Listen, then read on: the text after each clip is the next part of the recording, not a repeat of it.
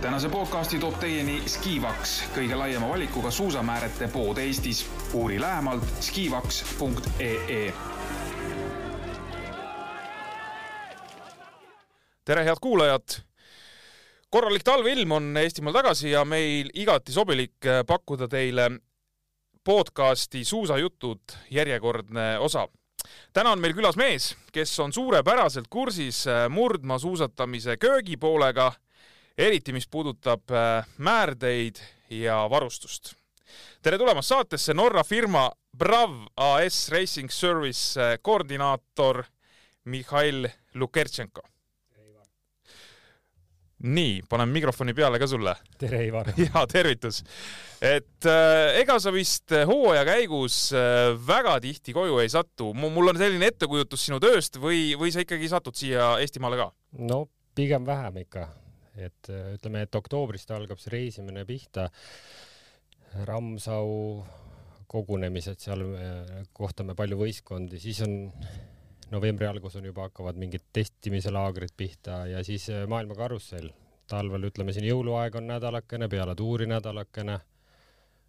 äkki enne olümpiat isegi õnnestub neli-viis päeva, no ja siis läheb põhimõtteliselt hooaja lõpuni välja juba Äh, me räägime sinu tegemistest täpsemalt äh, saate käigus, aga ütleme sissejuhatuseks veel, sa oled rahvusvaheline mees äh, rohkem kui kümme, rohkem kui viimased kümme aastat. viisteist aastat maailmakarika kogemust, jah. viisteist aastat maailmakarika kogemust ja seda siis nii-öelda erinevast vaatevinklist natuke, eks? just.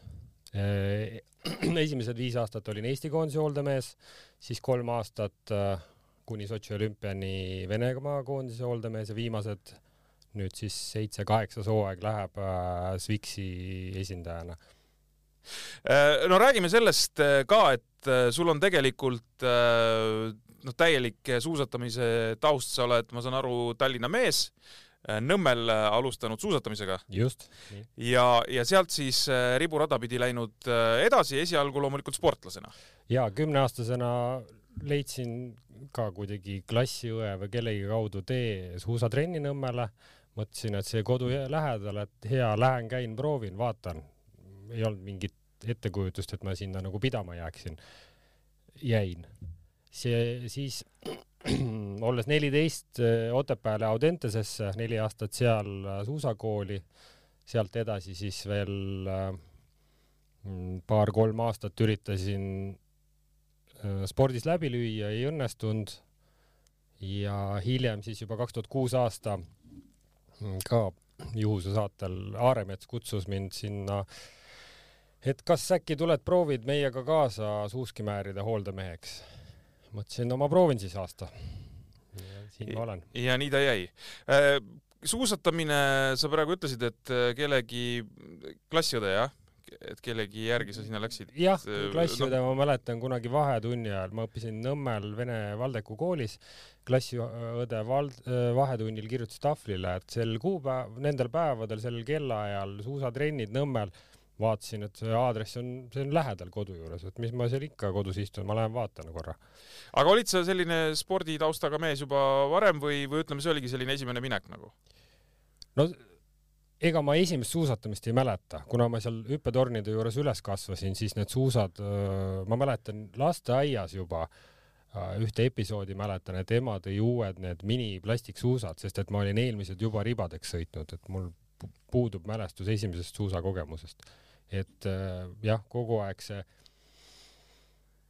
nagu tol ajal oli see, ütleme nii, hoovisport, et see oli kogu aeg osa minust. sinna, kui sa seal Nõmme tornide juures kasvasid, eh, hüppemäele ei tõmmanud? hüppemäele olen slallidega sealt nendest kahest väiksest hüpanud mingi hetk. ja tegelikult eh, need kahevõistluse treenerid teadsid ka mind sel ajal, kui ma juba suusatrennis käisin ja nemad ikka kutsusid ja kutsusid ja ma käisin ka korra kaks päeva, ma käisin seal trennis aga see hüppesuuskade tornist üles tassimine ei mahtunud kuidagi minu nagu raamidesse ja sinna ta jäi. et see oli liiga igav? see oli igav jah, ma ikka jah, eluaeg ma olen pidanud olema ise nagu konstantses liikumises. okei okay., äh, kui sa läksid sinna Audentese gümnaasiumisse, äh, see tuli nüüd kuidagi treenerite soovitusel või, või siis oli juba endal selline teadmine, et äh, tahaks proovida sportlaseks saada? ei, ei olnud oma teadmist. trennipoisid äh, sõbrad siis, kellega me koos Nõmmel käisime, mm, sealhulgas Sergei Lopuhhin, kes täna samamoodi Vene koondise hooldemees on ja me koos põhimõtteliselt üles kasvanud oleme. Ja nemad ütlesid, nüüd, nüüd on vaja Otepääle minna. Ja ega mul puudus ka igasugune arusaam sellest, et üldse selline kool on olemas, et mis seal tehakse, kuidas tehakse, aga, aga mul meeldis suusatamine ja, ja sõbrad läksid. Ja siis ma nagu sabarakuna läksin sinna kaasa siis sa mainisid siin enda jutu käigus, et äh, loomulikult olid ka sportlikud eesmärgid, aga noh, sportlaseks nii-öelda ei õnnestunud äh, saada, et samas ühte koma teist sul ikkagi siin teenetelehel on, ma vaatan, et räägiks natukene nendest tulemustest ka.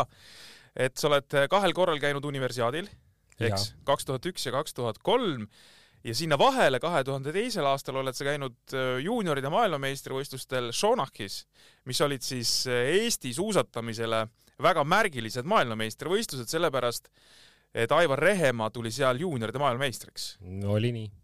ja selles sõidus võib-olla me teaks seda sõitu nagu ka sinu nime järgi Äh, natukene rohkem, kui Aivar ei oleks tulnud maailmameistriks, sest sina said seal üheteistkümnenda koha, mis ei ole ka üldse halb koht, see on ikkagi ju tegelikult väga korralik tulemus. ja oli küll jah, aga noh, samas ega ei tasu seda nagu tohutult üle tähtsustada, et esiteks tegemist on juunioride maailmameistrivõistlustega, teiseks ma olin küll üksteist, aga tegelikult kui me vaatame kaotust, ma arvan, see oli circa kolm minutit Aivaril. oli lausa nii palju, jah? seal olid hästi okay. suured vahed et äh, jah, ma arvan, et see oli üks minu parimaid sõite. aga no ma ei tähtsustaks seda liialt üle siiski. ma vaatasin, kes seal, ma seda vahet ei vaadanud, aga ma vaatasin, kes seal sõidus veel äh, noh, nii-öelda kusagil figureerivad, eks. Eldar Rönning oli selles sõidus neljas mees. Äh, Nikolai Tšepotko, viies mees. sinu selja taga Maksim Võlekšanin. mäletan väga hästi finišit, kilomeeter enne lõppu Tepane ütles, et kuule selle venelase sealt püüad kinni. ma ütlesin, see ei ole võimalik ja ta tuli selg ees ja finišil me seal pusisime. Ja kuidagi kunagi aastaid hiljem, kui ma seda protokolli nägin, siis ma tegelikult alles avastasin, et see oli Maksim ja, ja Maksimiga siis hiljem sa noh, nii-öelda tegid koostööd Vene koondises, eks? ja, ja ega ma mainisin talle selle finiši ära ka ikka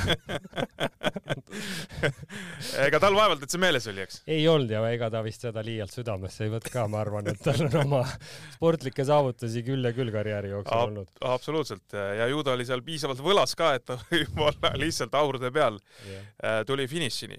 aga need universiaadid kaks tuhat kolm, vaatan äh, Äh, Tarviisios äh, teatesõidus kaheksas koht ja tegelikult äh, sa oled seal teatesõidus koos selliste meestega, keda Eesti suusasõbrad ikkagi väga hästi teavad. Peeter Kümmel, Kaspar Kokk, Anti Saarepuu. no nendega me tegelikult ju kasvasime üles, et üheksakümmend kuus aasta vist e Suusaliidu raames tehti selline esimene, oli see mingi Fortuna lototiim või mis see oli, et justkui selline noortekoondis ja koos siis äh, Rehemaa, Koka, Saarepuu, Kümmeliga, seal olid veel Ustinski ja Erki Jallai, et nendega tegelikult äh, aastast aastasse me koos trenni tege-, tegime ja laagrites käisime. Äh, jah, nendega sai koos üles kasvatud. ja kaks tuhat neli mis ma vaatan, on siis selline võib-olla viimane nii-öelda vist väga tõsine spordi tegemise aasta, siis äh, seal sul õnnestus osaleda ka Otepää maailmakarikaetapil. oli nii jah ja,. jah, isegi ma arvan, et see kaks tuhat kaks oli kõige nagu parem, see kaks tuhat kolm mul jäi sinna sõjavägi vahele, siis ettevalmistus oli nii ja naa, siis kogu see hooaeg oli selline juba ta oli stabiilne, aga ilma ühegi hea tulemuseta ja kaks tuhat neli hakkas juba nii-öelda natukene allamäge minema, aga sinna maailmakarikale rahvusliku kvoodi raames kutsuti jah. ja seal sa oled osalenud, ma vaatan ka lisaks individuaaldistantsidele ka siis äh, teatesõidus, kus Eestil oli väljas kaks võistkonda ja te kas olid. mitte neli? aa, neli lausa või, vabandust. ma, mulle jäi lihtsalt silma, vaatasin mingit protokolli, kus ma nägin kahte võistkonda, aga seal võis nii-öelda edasi veel äkki olla keegi siis või? Ma arvan, et seal oli ikka rohkem kui okay. kaks, kolm võib-olla või niimoodi. ja, ja., no selge. aga seal siis õnnestus äh, nii-öelda käsi valgeks saada ja noh, loomulikult äh, ma vaatasin, et sa oled osalenud siin ka suusamaratonitel. Tartu maratoni kahekümne esimene mees äh, kahekümne kolm, kahe tuhande kolmandal aastal, kui kogu pikamaa suusatamise maailma tipud põhimõtteliselt olid siin kohal, eks? ma ei mäletagi seda, kes seal kohal oli, aga ma mäletan seda et see kaks tuhat, mis see oli, kolm, kolm jaa, kahekümne esimene koht ja see oli selline maraton, et ma mäletan, kui ma jõudsin sinna vana lasketiiru Otepääle, see on siis umbes kilt stardist, siis ma sain aru, et täna pole hea suusk ja kuuskümmend kaks kilti on veel minna. et too, too jah, oli, sõitu kui sellist ei mäleta, ma mäletan, et oli kehva suusk ja ega ma rahul ei olnud aga minu meelest ma võistlesin ka pärast, kas kaks tuhat viis ja kaks tuhat kuus ka äkki. ei, kindlasti et... võis olla ja ma vaatan, kaks tuhat kuus sa veel käisid ka Vaasalopetil. jaa, et kaks tuhat kuus ma mäletan Tartu maratonil ma olin äkki seitsmes, aga siis oli muidugi see suhteliselt lahja koosseis seal rahvusvahelisest seisust. ja kaks nädalat hiljem käisin Vaasalopetil no seal, seal, see läks hästi, sest et äh, esisaja mees ikkagi? jaa, seitsekümmend, kui ma ei eksi, aga ega mul ei olnud tollal väga head ettevalmistust juba, ma olin tudeng, ma olin lastetreener Nõmmel ja ega see isiklik spordi tegemine oli selline nagu noh, veerev kivi veel veeres ja, ja, ja hobi korras, aga kuidagi suusk õnnestus seal natukene, ma olin ikkagi valmistunud selleks Vaasaks. Ja seal oli suur lumesadu ja minu meelest seal kuuskümmend, seitsekümmend kilti oli sõidetud, siis oli kogu see suur punt veel koos, koos, et ma olin tollel hetkel veel koos liidritega, et seal ei olnudki võimalik tol päeval väga eest ära sõita, et et need ilmaolud olid ka nagu minu kasuks. nojah, aga jõudma peab ka, ega see distants on ikkagi piisavalt pikk. jah, jah, ei, see oli nagu hea emotsioon, see mulle meeldis äh, nii, me jõuame siis äh, nüüd sinna jutuga selle hoolde tiimiga liitumise juurde. kas äh, põhimõtteliselt, kui ma olen suusataja ja keegi tuleb, pakub, et, äh, et kuule, tule proovime, äkki see hooldemehe töö sulle sobib. põhimõtteliselt iga suusataja äh, võiks nii-öelda selle ameti rahulikult selgeks õppida? no ma arvan küll, sest et see on, mis on kindlasti ühe hea hooldemehe alus ja eeldus, on see, et ta võiks ise hästi suusatada, sest et noh, suusad määrida äh, Ivar, sa saad ka hakkama sellega väga hästi, et see määre alla panna, aga nüüd tuleb kuidagi eristada ka seda, et mis see siis täna hea on, mis mitte ja, ja nii edasi, et see hea suusatamise oskus on kindlasti asja eelduseks ja tõenäoliselt oli see ka üks põhjuseid, miks Saaremets kutsus mind sinna võistkonna juurde tollel hetkel. et ühesõnaga, et ma võiks ka määrida, aga ma lihtsalt ei suuda seda õiget paari välja selekteerida no libisemise puhul on see tõenäoliselt natuke lihtsam, et seal paralleeltestina nii-öelda lihtsalt mäest alla lastes saab mingi vastuse kätte. klassika pidamise nii-öelda selgeks tegemine juba keeruline, seal, seal on vaja ikkagi tunnetust, et sa, sa oskad öelda, et mis, milline suusk paremini peab ja samal, samal ajal ta võib-olla ka libisemise omadused on head, et seal ei ole sellist äh, muud moodust seda selgeks teha, kui lihtsalt ise suusa peal suusatada ja, ja tagasisidet anda. Äh, sa sattusid äh, siis kohe Eesti koondise hooldetiimi või? jah, oli selline au. ja palju seal, ütleme, mehi umbes võis olla või? tollel hetkel oli äkki viis pluss mina, et äh, oli Aaremets, Urmas Välbe, Margo Pulles, Eero Bergmann ja ka Magne Mürmo aga kuna Magne oli juba suhteliselt kõrges eas ja ilmselt nad aimasid, et äh, ei ole võib-olla see koostöö enam väga pikaks ajaks, nad otsisidki kedagi uut ja noort peale Äh, sulle anti kohe kätte tööjupp või kuidas see käib? Äh, ma mõtlen selles mõttes, et kas kohe nii-öelda näed, see asi jääb nüüd äh, sinu kanda või seal tuleb kõike teha natukene või, või mismoodi see töö jaotub? ei, tollel hetkel oli, eks iga võistkonnas on need tööjaotused natukene erinevad ka, kus, kuidas struktuur üles ehitatud on aga ma mäletan, et kui ma tulin, siis mulle anti kohe keegi sportlased kätte, kohe ei mäleta, kes esimesel aastal olid, äkki olidki, võib-olla oli Rehemaa ja Kümmel äkki kohe. et nende suuskade eest vastutasin ja siis jooksvalt juba kõik see nii-öelda need töövõtted ja asjad, käisin seal laudade juures Aare ja Urmase ja Eero Margo juures, et näita, kuidas see teine, kolmas käib. et suhteliselt kiire niisugune integreering, et äh, no eks ma oskasin ise ka suuski teha juba tolleks hetkeks, aga, aga sul on ikkagi oluline, et sa oled sama käekirjaga nagu teised võistkonnakaaslased. Äh, sealt siis äh, tegelikult tuli kohe nii-öelda äh, tipptase selles mõttes, et suusatajad, võistlused ja, ja kõik see karussell oli kohe nii-öelda tipptasemel. jaa, loomulikult, aga noh jah, see oli kohe niisuguse supipaja sisse loopimine, et äh, katsu nüüd äh, mitte ära uppuda, onju. aga noh, kui sul on sellised äh, pika kogemusega ja head mehed ümber, siis äh, ega seal äh, lihtsalt kohandud nende järgi ja teed selle töö ära. ja, ja ma saan aru, no mis, mis tundub nagu loogiline, et, et sind esialgu siis nii-öelda selle lõppviimistluse juurde või otsustamise juurde ei, ei lastud äh, või ma eksin siin, et, et sinna tuleb nagu siis kasvada kuidagi, et nii äh,, ütleme, et, et Mihhail tuleb, ütleb, et kuule, need, selle paari sa pead võtma, see on kõige parem täna. või tuleb äh, tol hetkel näiteks Aaremets, ütleb, et kuule, ei, ei, see, see paar on kõige parem, et see tuleb võtta. päris nii ei olnud, ütleme nii, et ega ma siis ei rääkinud kaasa nendes asjades, kui ütleme, kui otsustati, mida siis, mis me üldse teiste suuskadele täna alga paneme, sest et noh, hooldemeestel päev algab sellest, et kui on võistluspäev, nii et äh, meil on vaja leida mingi parim määre ja on vaja hakata kuskilt seda otsima. ja ega mul ei olnud seda kogemust, et öelda, mida me nüüd sinna testi suuskadele alla paneme, see jäi ikka vanemate meeste teha aga sealt edasi kohe algusest peale olin mina ikkagi osaline nii klassikatestides kui uisutestides ja andsin siis oma tagasisidet, sobis see siis kellelegi või mitte. Üldjuhul ega, ega need arvamused väga lahku ei läinud, sest ma olin piisavalt hea suusamees tollel hetkel juba, et ma suutsin nagu eristada nagu head halvasti ja aga, aga kui jutt läks juba sinna oma sportlase juurde, et siis ikkagi ma olin osaline nendest suusavalikust ja ka, ja ka otsustamisest, et mis suusa ta peaks siis nagu sportlane valima ja ka lõppviimistlusest, et ega kui mul oli siis seal Aivar või, või Peeter, siis ma tegin need suusad võistluseks otsast lõpuni valmis. Äh, sa olid Eesti koondise juures äh, siis kaks tuhat kuus kuni kaks tuhat üksteist, kaks tuhat üksteist. kõik tiitlivõistlused, mis seal nii-öelda olid äh, selles vahemikus, käisid kaasas? just, olid vist Sapporo, Liberec, Vancouver ja Oslo.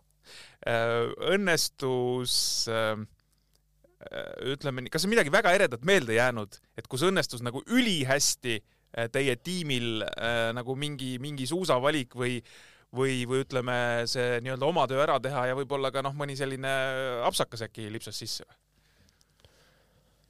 no õnnestumine oli kindlasti kaks tuhat üheksa Liberetsi viisteist klassikat, aga see oli ka niimoodi, et äh, noh, viiskümmend protsenti oli õnnestumine, viiskümmend protsenti mitte, et nende selle nulli, mäletatavasti oli nulli ilm ja oli küsimus, et kas keegi läheb määrdega või, või siis selle kareda suusaga.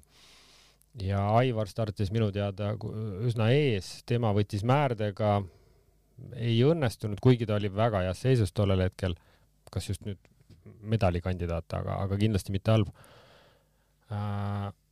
Margo ja Andrus viimasel hetkel võtsid selle otsuse, et võtavad kareda suusa, noh, tulemus on tagantjärgi teada, see on jällegi niisugune nendes oludes, et kas me siis nüüd õnnestusime sajaprotsendiliselt, noh, tegelikult ikkagi õnnestusime sest et ju tulemus oli hea. Äh, noh, jällegi mina, kes ma ütleme kindlasti suusatamisest äh, noh, liiga palju ei tea, ütleme selle ala spetsiifiliselt, siis sa ütlesid, et äh, Aivar oli tegelikult väga heas konditsioonis, aga, aga suusk äh, ei, ei sattunud äh, tol päeval kõige parem. kas on võimalik nii ka, et mees on tegelikult, mees või naine, vahet ei ole, on, ongi ülihea, tegelikult ta võiks olla sellel päeval äh, kõige parem, aga no lihtsalt saadki suusa mis, mis siis noh, mitte ei ole meelega kehvasti ette valmistatud või noh, mis nii-öelda seal mängitakse ka natuke riskipiiril, ma kujutan ette, eks. ja, ja lihtsalt sa võid olla kõige parem, aga see suusk ikkagi ei luba sul mitte midagi teha. muidugi on võimalik, kui sa tuletad meelde kaks tuhat viisteist aasta Faluni maailmameistrivõistluseid ja naiste kümne kilomeetri vabatehnika suusatamist, siis sa võid otsida protokollist järgi, kus olid Johaug, kus olid Björgen, ma arvan, et kohad olid kakskümmend, kolmkümmend. et, et nii kinni määritud, kui vähegi saab. just, et seal noh, sa, ma ei oska paralleeli tuua, no tühja kummiga lähed, saadad kangerti starti, noh, et sõida, sõida distants läbi niimoodi. jah aga vastupidi kahjuks ei ole võimalik, eks, et eh, kui ma ise ei ole hea, suusk on maru hea, ikka, ikka vist kaugele ei purjeta ikkagi või? no purjetad, kui kõik ülejäänud võistkonnad siis täiesti mööda panevad, aga see ikkagi tänapäeva maailm, tänapäeval ma, ma ei mäleta, et oleks et kõik nüüd läheksid täiesti alt. küll on võistluseid selliseid, kus, kus on olnud nii, et mitmed võistkonnad ei saa pihta, ma mäletan, Sotšis oli sellist asja, oli Valdifemmes, et mitte üks võistkond, vaid mitmed võistkonnad ei saanud kuidagi nagu pihta olukorrale kas seal käib äh, mingisugune luuramistöö ka? ma, ma ei pea silmas, et noh, mitte et noh, umbes nüüd keegi saadab mingi spiooni välja, et kuule, mida nad teevad, aga noh, niimoodi vaikselt silmanurgast ikka võib-olla võiks ju vaadata, et huvitav, mida nemad seal katsetavad või mida nemad proovivad. nojah, just sellist spionaaži ei tehta. Mm silmanurgast võib-olla vaatad, tihtipeale see, see määre seal tuleb ikkagi kuskilt väga taskupõhjast või on kinni teibitud, et siis konkurent võib-olla ei näeks. Aga, aga ma arvan, et ega kellelgi ei ole ka tohutult aega selle spionaažiga tegeleda, kõik on ikkagi ülepeakaela hõivatud oma tööga, sest et mm, lumi on konstantselt muutumises olev materjal ja see aeg, mille jooksul mm, tuleb need otsused vastu võtta enne starti, on lühikene ja mida lühem, seda parem ja seetõttu kõik võistkonnad üldiselt on oma töö, tööga nii hõivatud, et neil, ma ei ole küll märganud, et keegi käiks kuskil luuramas teisi. Äh, on sellist asja ka juhtunud, et äh, noh, jälle, jälle võib-olla asjatundmatu küsimus, aga, aga ikkagi, et äh, noh, mees juba läheb starti või naine läheb starti ja keegi tuleb metsast jooksuga, nii, ma leidsin tegelikult kõige parema variandi praegu, näed, need suusad on siin. ei, sellist asja ei mäleta et ikka see töö tehakse varem ära? jah, no kui on sellised situatsioonid, siis see on ikkagi täpselt selle nulli ilmaga, klassika nulli ilm. kui on see, kas minna määrdega, kas minna tahk äh,, siis äh, selle karestussuusaga, et siis seal on selline natukene noh, ma ei saagi öelda, kas peataolek just, aga mm, no natuke teadmatust, eks? jah, see kontrast võib olla välja, väga suur, noh, kui me võtame näiteks äh, eelmise aasta maailmameistrivõistlused Oberstdorfis, teatevõistlus, äh, esimene vahetus, äh, Tšervotkin sõitis minutiga eest ära muul maailmal, onju. Tema läks kareda suusaga, norrakad ikka viimasel hetkel läksid veel, see esimene vahetus läks selle määrdega suusaga, ei olnud hea valik. siis teine vahetus juba mängiti ümber, et ta läks ikkagi kareda suusaga, suudeti päästa see teatevõistlus vastupidiselt jälle aasta enne seda, kaks tuhat kakskümmend siis või üheksateist või, siis kui oli see Skandinaavia tuur ja, ja Bolšunov oli ülipikalt nagu tuuli, tuuri liider, viimane võistlus, kolmkümmend kilti. Ja ikkagi valis selle määrdega suusa, noh, see, see on niisugune fifty-fifty olukord, et kuhu poole see kaalukauss läheb.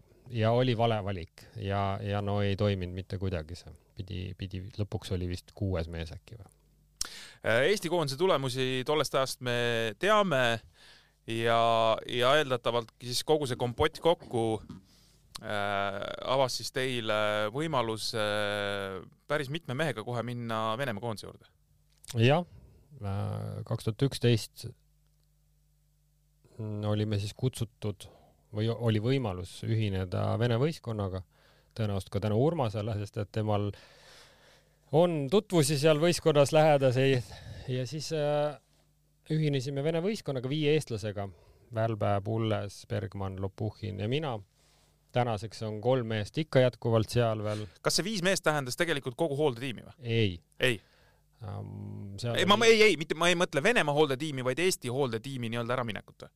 põhimõtteliselt, no tolleks hetkeks oli meil olemas Eesti koondises veel ka Jaan Alvela, tema jäi ikkagi Eesti koondise juurde, aga meie ülejäänud jah, hüppasime nagu üle. Ja, ja sest, sest Venemaa hooldetiim ma kuskilt juba siin heitsin pilgu peale, seal oli ikkagi mingi paarkümmend inimest, eks? seal oli tollel hetkel isegi ma julgeks arvata, et oli natuke liiga palju inimesi. täna on see jäänud siin neljateist-viieteist mehe peale, mis on selline suure võistkonna puhul optimaalne number nii, oli võimalus minna, läksite kohale, tehti teile kondiproov ja siis äh, saite ametisse või? no tegelikult saime kohe ametisse ja hakkasime kohe tööle. kivisid veeretama ei pidanud?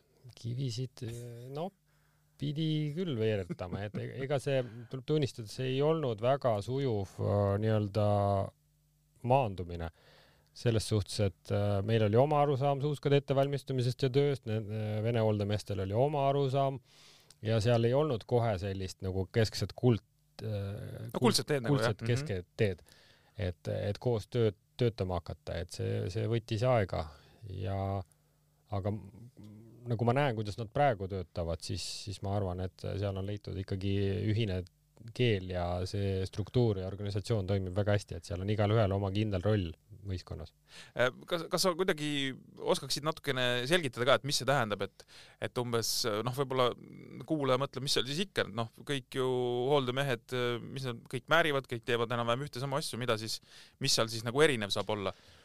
no et asi efektiivne oleks, on ju, siis on, on, on hooldemehed, kellel on siis sportlased kinnitatud, et siis sa ei tegele mingi erinevate sportlastega, vaid sa vastutad kellegi kindla suusapargi eest. ja siis on kindlad mehed, kes lähevad siis näiteks libisemise testi, pidamise testi, ma ei tea, struktuuri testi, nii edasi. Ja see kõik toimub ühel ajal, et siis sa jätkadki, jätkadki need äh, kindlad rollid inimestele, et ei ole mõtet roteerida, et täna käisin, tegin pidamist, homme libisemist ja nii edasi, et, et sa võiksid olla ikkagi selle oma ühe suuna väga hea spetsialist et see on, ütleme, see oli seal nii-öelda paigast ära või ütleme, seal siis äh, oligi see, et üks päev tegid ühte, teine päev teist, kolmas päev kolmandat? no pigem oli see, et sa ikkagi tegid nagu jah, mingid rollijaotused olid, aga, aga kuidagi see koostöö ja, ja sisene usaldus, need ei tulnud nagu üleöö. et see, see vajas aega. aga saite toimima? no lõpuks saime ikka vist jah. nii, te olite seal siis, ütlesid Sotši olümpiani, jah? mina olin Sotši olümpiani, teised kolm meest on siiamaani, tänaseni mm. -hmm. see tähendas ka mitut tiitlivõistlust, noh rääkimata siis Sotši olümpiast, mis äh, venelastel endal kodus ja no nui neljaks seal peab tulemus tulema. Ja, ja noh, midagi tuli ka, eks onju no viimane päev ikkagi päästeti olümpia ära, jah. kas see oli kolmik, kolmikvõit lausa seal oli kolmikvõit. jaa, see oli mehed äh, mingi pikk distants, eks? viiskümmend mm -hmm. mehed olid, jah mm. -hmm. et see oli siis selline kergendus nagu kõigile? see muidu oli... hooldetiim oleks ka laiali saadetud? ei, seda ohtu ei olnud, et või vähemalt ma ei tunnetanud seda ohtu, et äh, ma arvan, Jelena Välbe on väga tugev võistkonna liider ja ta mõistab täielikult hooldevõistkonna vajadust. Ja hooldevõistkond ei ole selline asi, et sa nüüd lööd selle päeva pealt laiali ja nüüd homme võtad uued mehed ja sul asjad toimima saavad, ei saa.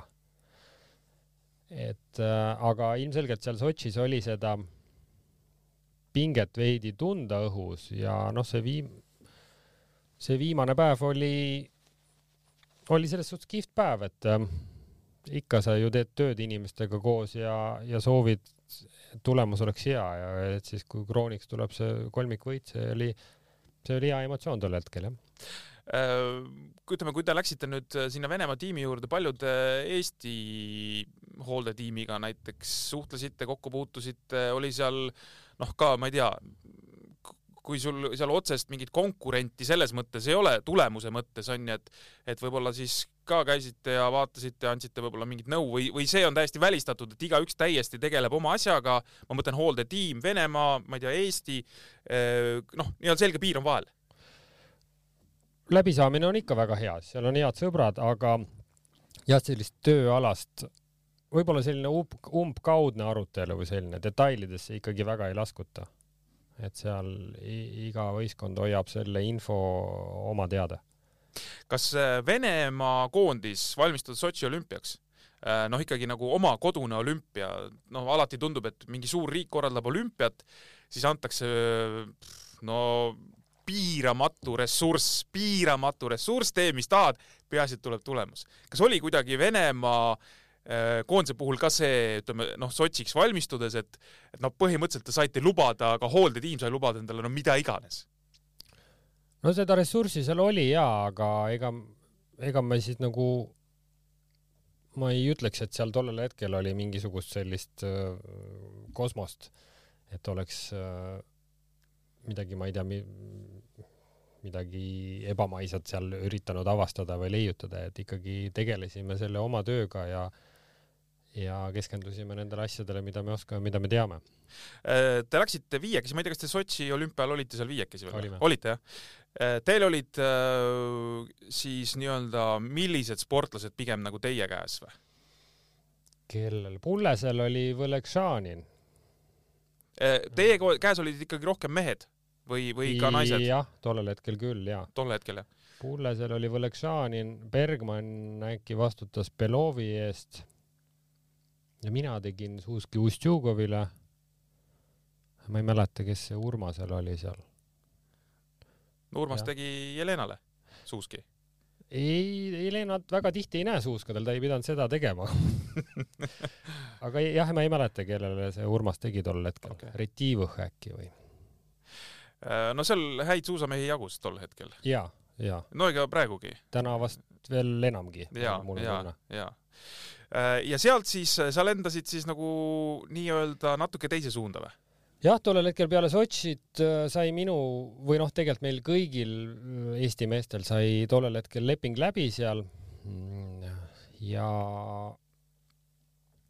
ja mul avanes võimalus seal olude mm, kokkusaamisel äh, ühineda ettevõttega ehk siis äh, tollel hetkel siis oli veel meie grupi nimi Swix-Sport ja olla siis äh, Swixi esindaja siis maailmakarikatel Äh, see, see siis keegi, kuidas ma ütlen, kuidas sind nagu niimoodi siis üles, üles leiti, et, et kas keegi noh, nii-öelda sinu enda tutvusringkonnast või lihtsalt, et äh, kuule, näed, et seal on, seal on hea mees, et hea suhtleja, ta võiks seda ideaalselt teha, seda tööd.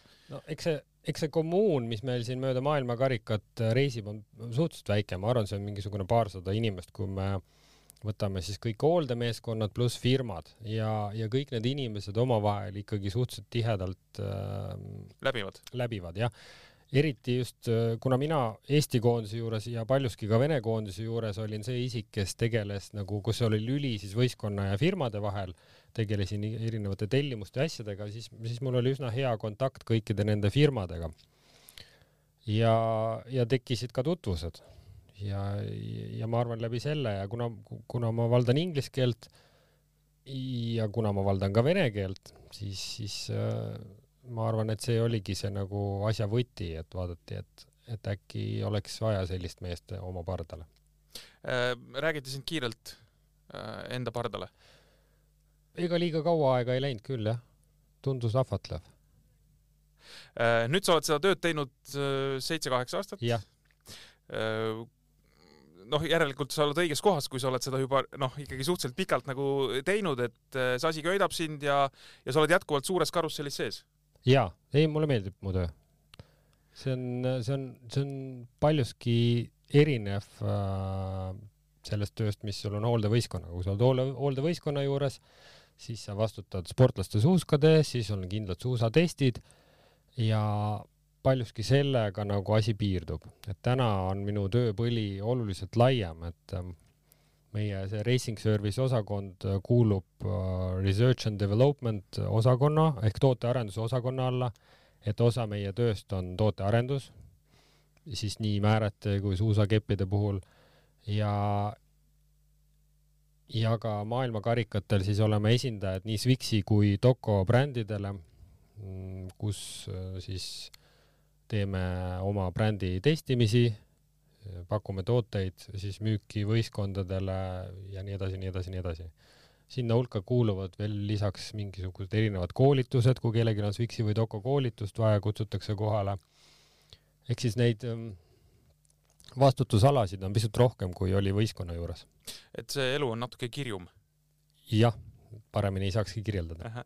Äh, ma lihtsalt nagu küsin äh, jällegi, et, et, et saaks rohkem selgust, kas sinu tööd hinnatakse rohkem selle järgi, kui palju tuleb a la tellimusi ja nii-öelda äh, ettevõte teenib selle pealt raha või pigem hinnatakse selle järgi, et, et selle firma või ettevõtte määrete või siis varustusega võidetakse suuri võistlusi. Mm, no varustusega, siis, siis me räägime suusakeppidest, et seda me saame mõõta, seda me näeme, kui palju meie sportlaseid siis äh, on poodiumitel ja kui nähtavad me oleme maailmale. määrete puhul me ei saa mõõta seda, sest et äh, meil ei ole alati infot, kes millega võistleks. Ja kui meil isegi oleks, oletame, et siin Urmas ütleb, et näed, issa, me võistlesime täna selle, selle tootega, siis äh, mitte kunagi ma ei avaldaks seda kuskile väljaspoole oma et meie määretega võideti a la ja. just, et see on meie nagu noh, minu ja võib-olla väga väikse ringi tootearenduse inimeste nagu info, et me mitte kunagi ei avalda seda infot väljapoole. et seda on nagu jällegi raske mõõta, aga noh, minu tööd kuidas seal mõõdetakse, noh, eks me oleme kohal, me oleme suhteliselt iseseisvad, me teame, mida me tegema peame, kuidas, millal me teenindama peame ja kindlasti meie tööd mõõdetakse ka selle mm, testimise arvukuselt, et tootearenduskeemikud teevad siis valmis äh, uusi tooteid ja meie siis testime, mida rohkem me testime ja tagasisidet anname, seda suurem tõenäosus on, et see et me testime välja hea toote, mis ühel hetkel poelettidele jõuab.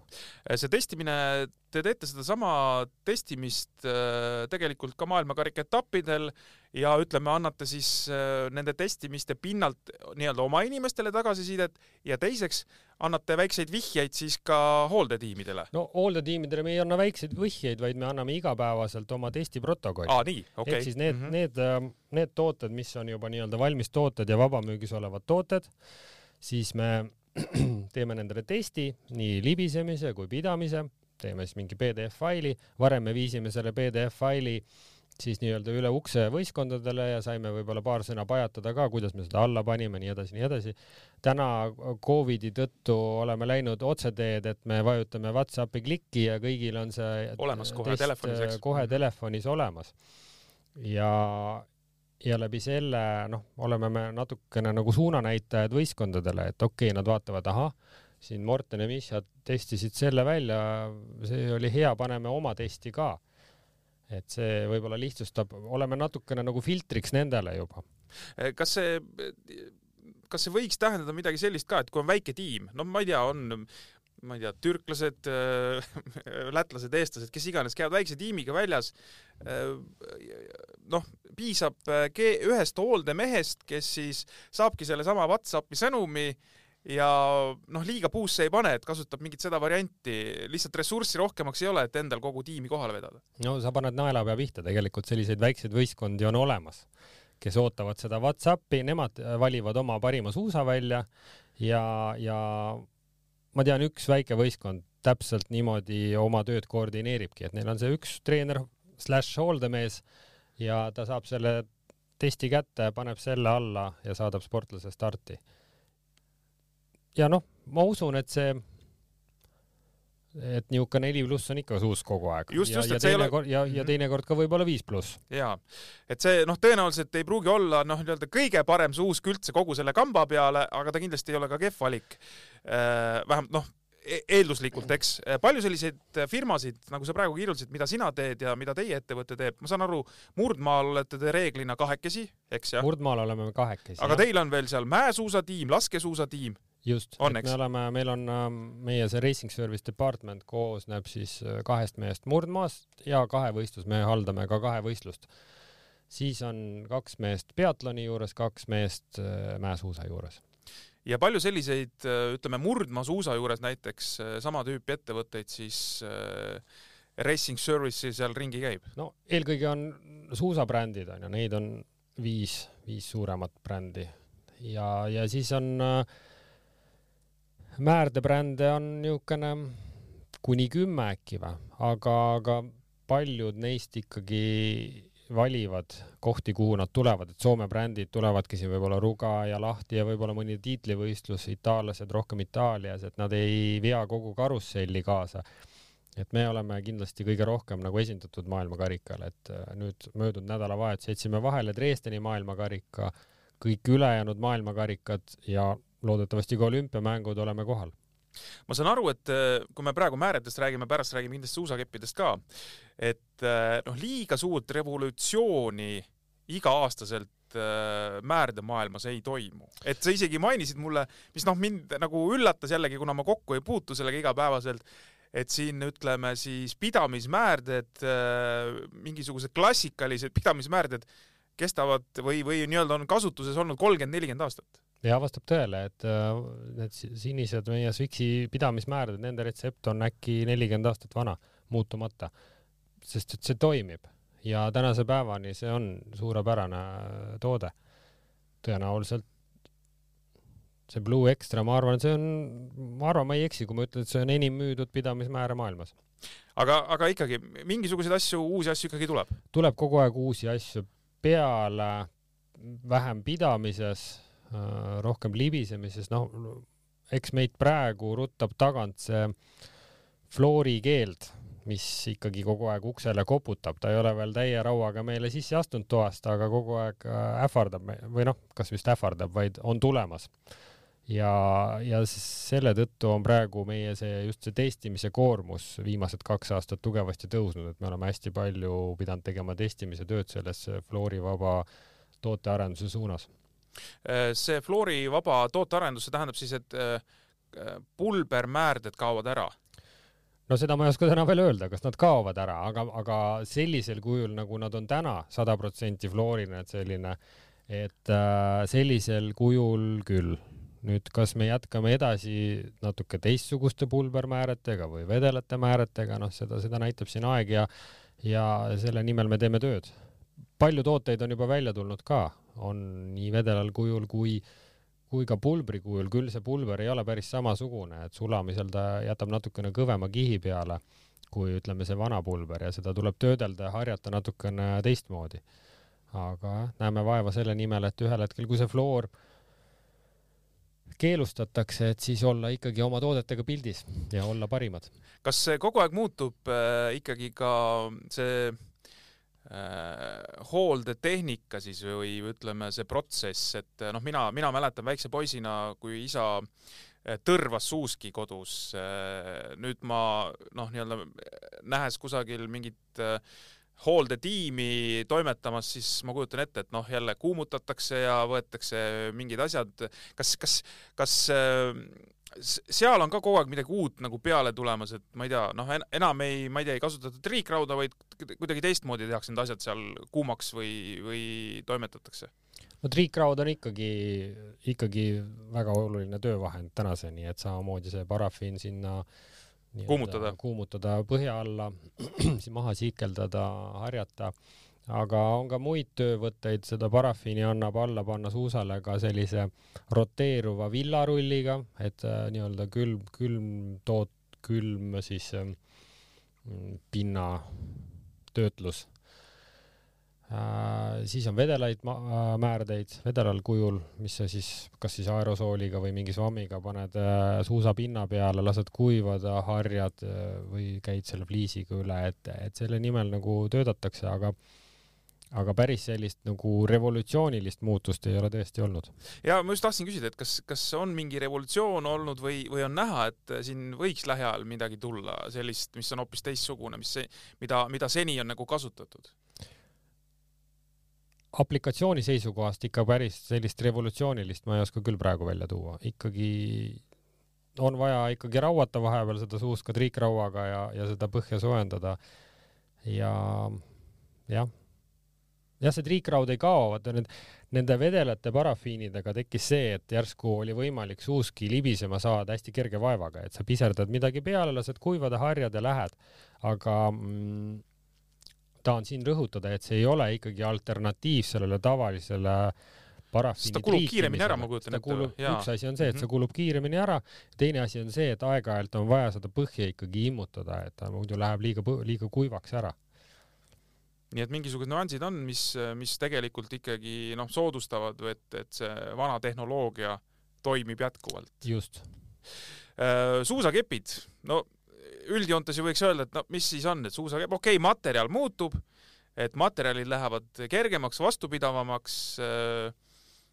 aga tegelikult ma saan aru, et võib-olla kõige olulisem on hoopis see, see käepide seal üleval, jah no see on kõige sensitiivsem inimesele, sest et meil kõigil on käed äh, erinevad ja see kepirihm on võib-olla nagu erinev, et kellele nagu jalanõugi on ja kellele sobib kitsas liis, kellele lai, nii edasi onju.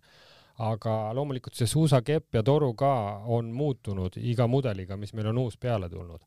et okei okay,, see siis süsinik või karbon on, on ikkagi sama, aga seal annab mängida sellega, kuidas sa neid kihte laod ja nii edasi ja kus kohta sa asetad selle äh, raskuskestme ja, ja nii edasi, et, et kui me võrdleme siin kümneaastase või noh, tegelikult kui me võrdleme isegi eelmise mudeliga, siis mm, puhtad mõõtmised näitavad, et kepp on läinud kas natuke kergemaks, kas natuke jäik, jäigemaks, kas see raskuskese on ülespoole tulnud ja nii edasi, noh.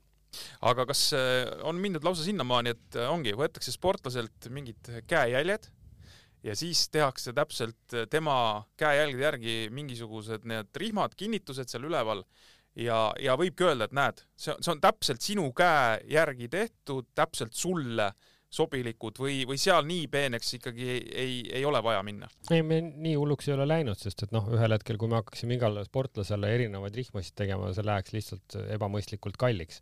küll aga meil on, ma arvan, kas neli või viis erinevat mudelit, pluss siis nagu iga mudeli kohta erinevad suurused kepirihmadel. et meil on see valik suhteliselt lai, et iga inimene peaks leidma endale selle sobivama ja parima nii-öelda kepirihma. palju hooaja jooksul äh, suusakepp äh, noh, kulub, ütleme selles mõttes, et ma ei tea, kas ühel koondisel või, või ühel sõitjal või, või kuidas, kas, kas neid vahetatakse mingi teatud aja tagant või, või kuidas see käib? No koondise kohta on raske öelda, sest koondised on erinevad. Äh, sõitja kohta, see ka varieerub, ütleme, kui me tuleme uue mudeliga välja, siis me anname tavaliselt kaks pluss kaks paari välja. ehk siis, et üks paar oleks justkui nagu treeninguks ja ühte paari hoitakse puhtalt nagu võistluste jaoks, et, et vältida, et seal on mingisugune mikromõra või mis iganes sees juba.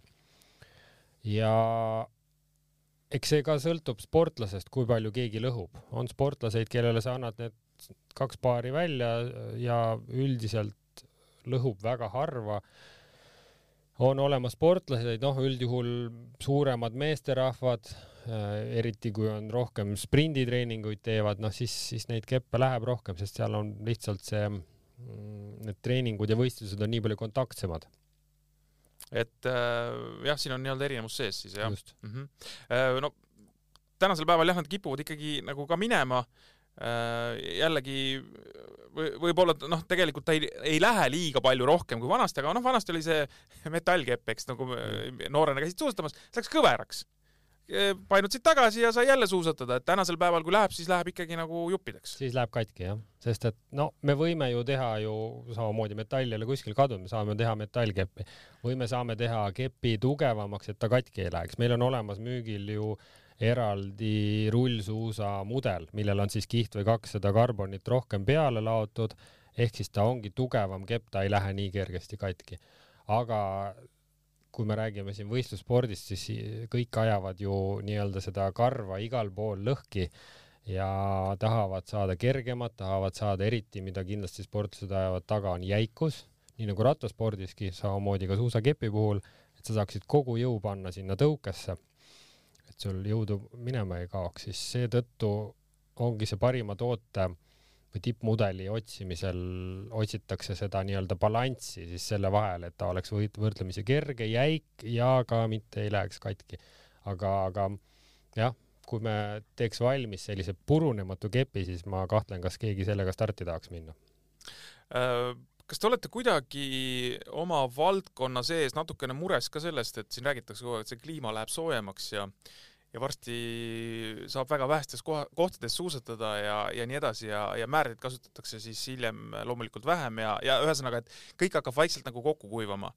või tegelikult äh, tehnoloogiad arenevad, seda lund, peaasi, et külm on, seda lund saab teha nii või naa ja üldkokkuvõttes äh, ei peaks nagu väga muret tundma. no ettevõtte seisukohast ma ei ole seda nagu sellisel tasandil seda murekohta leidnud, et äh, tegelikult täna me ju näeme, et need talved on väga erinevad, et noh, kui me üle-eelmine talv põhimõtteliselt meil ei olnudki talve siin Nõmmel sai äkki viis päeva suusatada, siis äh, eelmine aasta jälle oli suurepärane. sinna aastavahetusest kuni märtsi lõpuni anna aga tuld. ja noh, kuna ma siin reisin kogu aeg ja suhtlen siin üle maailma inimestega, siis mul on tunne, et see lumi ei ole maailmast mitte kuskile kadunud, mul on tunne lihtsalt, et see lumi on erinevates kohtades üle maailma alati. et kui üks aasta venelane ütleb, näed, meil Siberis üldse lund ei ole, siis ameeriklane ütleb, meil Californias on kuus meetrit. onju, et, et mulle tundub, et see on hästi selline no mit-, ma ei taha siin öelda, et, et see kliimamuutus ja kõik see on nagu tabu, onju, vaevalt mitte, aga kas meie elu ja eluaja jooksul nüüd see lumi ära kaob, ma ei ole selles päris kindel. et see tuleb äh, nii-öelda võib-olla nendes kohtades maha, kus võib-olla teda varem ei, ei ole siis nii palju olnud, eks jah? ma ei tea, kas ta just seal tuleb, aga no lihtsalt noh, kui, kui meil üks aasta ei ole, on võib-olla Euroopas rohkem, siis on jälle vastupidi ja, ja nii edasi, noh. Mulle tundub, et praegu ikkagi me, me ikkagi toodame määrdeid ja loodame, et inimesed saavad suusatada. kuidas selle varustuse kättesaadavusega üldse on, et ega siin on ju kuulda olnud, et see koroonapandeemia on ju igasuguseid muresid tekitanud, et et kas jõuab Äh, toota, tehased on kinni olnud, noh, mis kõik iganes, eks, et äh, kas, kas varustusega on, on selles mõttes kõik hästi, et ma ei tea, sportlased või koondised tulevad, tahavad ja, ja teil on pakkuda või, või tegelikult on vahest ka seis selline, et, et ongi laod tühjad?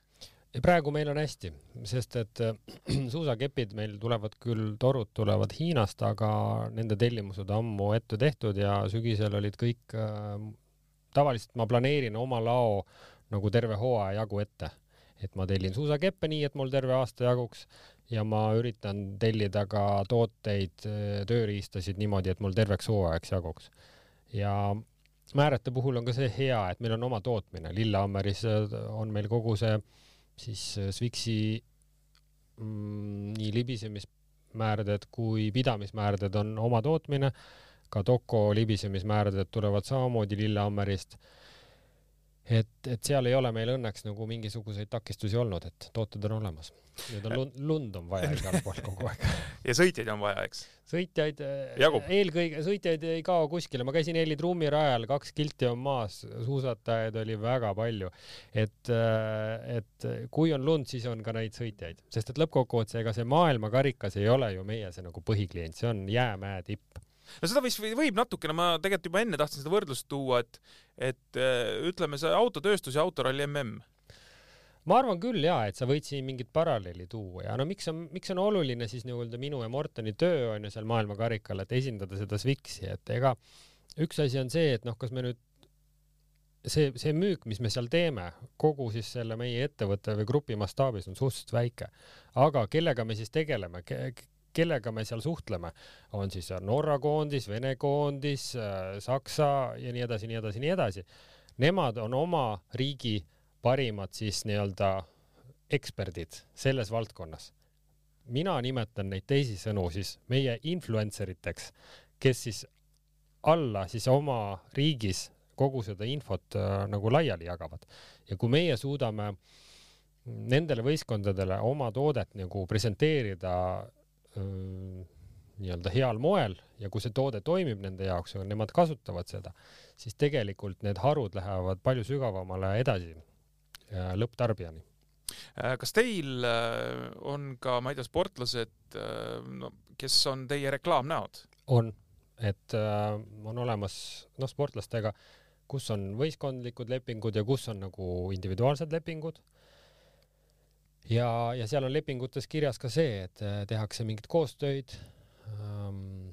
siin ma tean, et äh, noh, Norra sportlased, äh, rootslased, siin oli hiljuti Frida Karlsson Bolšunoviga, tehakse siis mingisuguseid videoid Instagram on üks tööriist kindlasti, et siis meie oma Swixspordi äh, leheküljel reklaamime läbi nende oma mingeid tooteid ja ka nemad siis läbi oma lehekülje siis äh, reklaamivad samamoodi neid tooteid.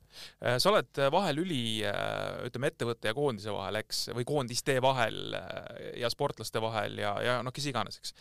et ähm, kas on mõne koondisega ka jube keeruline suhelda, ma ei pea silmas, et noh, seal peaks mingi konflikt olema, aga peab lähenema hoopis teisiti, ma ei tea, mingi kultuuriline erinevus, et, et noh, see ei ole nii-öelda tavapärane sinu jaoks. Ei tea, ei saa öelda, nagu ma ennem mainisin, see on nii väike kommuun, me oleme paarsada inimest. Ja kõik see paarsada inimest käib tegelikult ühte sammu sul viis kuud talve jooksul. Ja eks need paarsada inimesed on omavahel saanud sellise nagu ma ei tea, kas just sõpradeks, aga, aga vähemalt tuttavateks ja, ja kõik saavad hästi läbi. et äh, ma ei saa küll öelda, et mul kellegagi oleks siin keeruline kontakti luua äh, viis kuud, see on nii-öelda see võistlushooaeg, eks, aga tegelikult ju sa sellega ei piirdu, ma saan aru, äh, me jällegi siin eelnevalt vestlesime mingi mõned päevad tagasi siin, et või isegi varem, et, et sa tegid mingil hooajal viimased testid jaanipäeva paiku. see oli tänavu. see oli tänavu, jah? see oli tänavu, jah. Et tänavu meil siin, noh, ongi, kuna oli see koroonaaeg ähm,, liiga palju ei saanud talvel teste teha ja me, me ei saanud, alati käime kevadeti Norras äh,, kasutame seal lund ära ja teeme tootearenduse teste see aasta ei saanud seda teha, Rootsi oli lahti, siis me käisime siin loodusliku lume peal veel Pruksval-Arnas siin aprillis ja mai alguses tegime teste ja siis kasutasime veel Torsby suusatunnelit ära. oli vist mai lõpp ja ka jah, jaanipäeval, jaanipäeva õhtul olin mina suusatunnelis ja, ja testisin määrdeid. ka päris huvitav noh, see on niisugune everyday minu jaoks nagu, nagu sina istud siin stuudios või Delfi majas, siis see suusatunnel või, või, või see suusk jala all, see on niisugune minu tavaline kontoripäev, ütleme siis. Äh, ma saan aru, kui vähegi, vähegi noh, jälle selle koro-, koroonapandeemia tõttu lubatakse, siis äh, äh sind ootavad ka sel hooajal ees siis olümpiamängud, äh, tiitlivõistlused. jah et kas, kui on olümpia-aasta, nagu, nagu ta on praegu, äh, siis on see kuidagi teistmoodi, erilisem, on ta mingi suurema kaaluga? No meie ma... sportlastele kindlasti. ei, sport, ma mõtlen just nagu sinu, sinu äh, töökoha poolest. no kindlasti on see, see on nagu alati ka meie jaoks selline suur väljund ja see on oluline, sest et sinna tulevad paljud noh, lisaks sellele, kes tavaliselt maailmakarikatel on, tulevad ka teised kohale tänavu teeb see natuke keerulisemaks see, et see on kauges kohas, et me peame ju tänaseks me oleme ära saatnud oma kauba juba kõik sinna kohale, et meil oleks materjali, millega tööd teha, mida pakkuda võistkondadele. Et see teeb olukorra natukene keerulisemaks. muus osas jah, see logistika praegusel hetkel, aga muidu on võistlus, tiitlivõistlus nagu iga teine, oli ta siis Oberstdorfis või on Hiinas või? mida tähendab pakkuda võistkondadele Äh, materjali, et nad lähevad ju sinna, neil on ju omad asjad kaasas. kas see tähendab, et äh, siis, kui neil midagi juhtub, siis nad tulevad küsima või see tähendab midagi muud veel? No päris omad asjad kogu aeg kohal ei ole. no üks asi, suusakepid kindlasti, noh, üldiselt kui tiitlivõistlusele sportlased tulevad, nad tahavad seda tiitlivõistlust, ütleme tipp, tipud on ja nad tahavad seda alustada värske suusapaariga. Jällegi, et välistada seda, et nüüd ma läksin starti ja kuskil käis krõks ja kepp on katki. Et meil peavad olema suusakepid kaasas ja tood-, toodetest äh, jällegi mm, võistkondadel on oma tagavarad olemas, aga mm, ega raske on ette ennustada, mis ilm tuleb ja mis ja millal mul otsa saab. Äh, seetõttu oleme meie kohal mm, suhteliselt väga põhjaliku assortimendiga, töö, tööriistadega, määretega, nii edasi et kui kellelgi midagi vaja on, saab ta tulla meie juurde, saab oma varusid täiendada.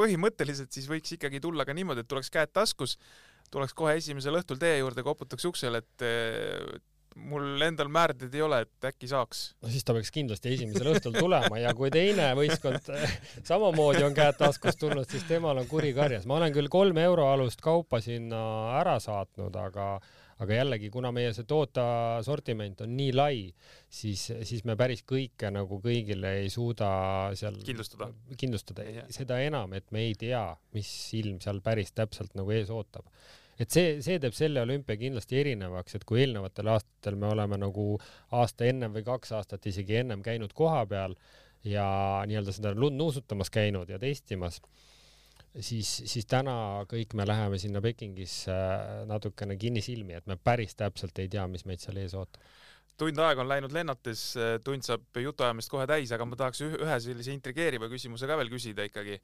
et sa ütlesid, et kahe võistlusega puutute te ka kokku, eks, et et kui sa nüüd lähed kahe võistluse Norra koondise juurde ja seal kuidagi on ju noh, nii-öelda seotud ju meie äh, Kristjan Ilves ka, eks, et ma ei teagi, kas, kui ta nüüd võistlustel on, kas ta on siis Norra koondise juures või, või pigem eraldi.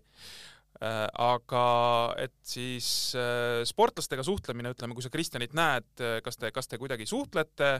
ja teiseks, et kuule, näed, Kristjan, mul on siin hõlma all üks väga hea määre, et ma teistele ei jaga, et ma annan sulle, et sa pane endale äh Kristjan võistleb äh, maailmakarikal ka, on Norra, on Norra koondise juures, Norra mhm. koondise mm -hmm. juures ja, ja loomulikult me suhtleme temaga, aga no ega Kristjan ise suuski ei määri, ta ei tea sellest suusamäärimist suurt ei, nõus, nõus, ja ma niisama niimoodi viskan et ega, ega ma niimoodi sellist õlma, õlma alt niisugust mustkunsti ei tee, et äh, ikkagi on avatud kaardid kõigile. selge aitäh, Mihhail, oli, oli väga tore, et sa leidsid aega tulla, et, et ikkagi on need mõned pausid sees, et kui te siin kodumaal käite ja jällegi, et see on selline nii-öelda tavakuulaja jaoks äh, natukene teistsugune maailm ja, ja tore on sellest teada saada, et äh, sulle endale, ma usun, äh, võib tunduda see selline noh, tavapärane jutt, aga kui praegu keegi paneb meil podcast'i peale, läheb näiteks suusatama siin ringi peale ja ma arvan, see tund aega pakub talle suurt huvi. no ma loodan ja ma olen aru saanud sellest, et isegi kui ma seletan, siis ma arvan ka minu lähituttavad, ega nad päris sada protsenti ei saa aru, mida ma seal tööl teen, et see on nii spetsiifiline asi. aga see teebki selle ägedaks ja loodan, loodan, et kuulajal on ka tore kuulata. tänud veel kord, äh, häid pühi sulle, häid pühi meie kuulajatele, et siin saab siis äh, suurem osa inimestest korraks hinge tõmmata, võib-olla mitte kõik, äh, aga, aga enamus ja ega see uus aastagi enam väga kaugel ei ole ja meie järgmine suusajuttude saade tuleb juba täpselt nädala pärast. suur tänu teile ja häid pühi kõigile ja leidke verivorsti kõrvale teie suusarajani ka tänase podcasti tõi teieni Skivaks, kõige laiema valikuga suusamäärete pood Eestis. uuri lähemalt skivaks.ee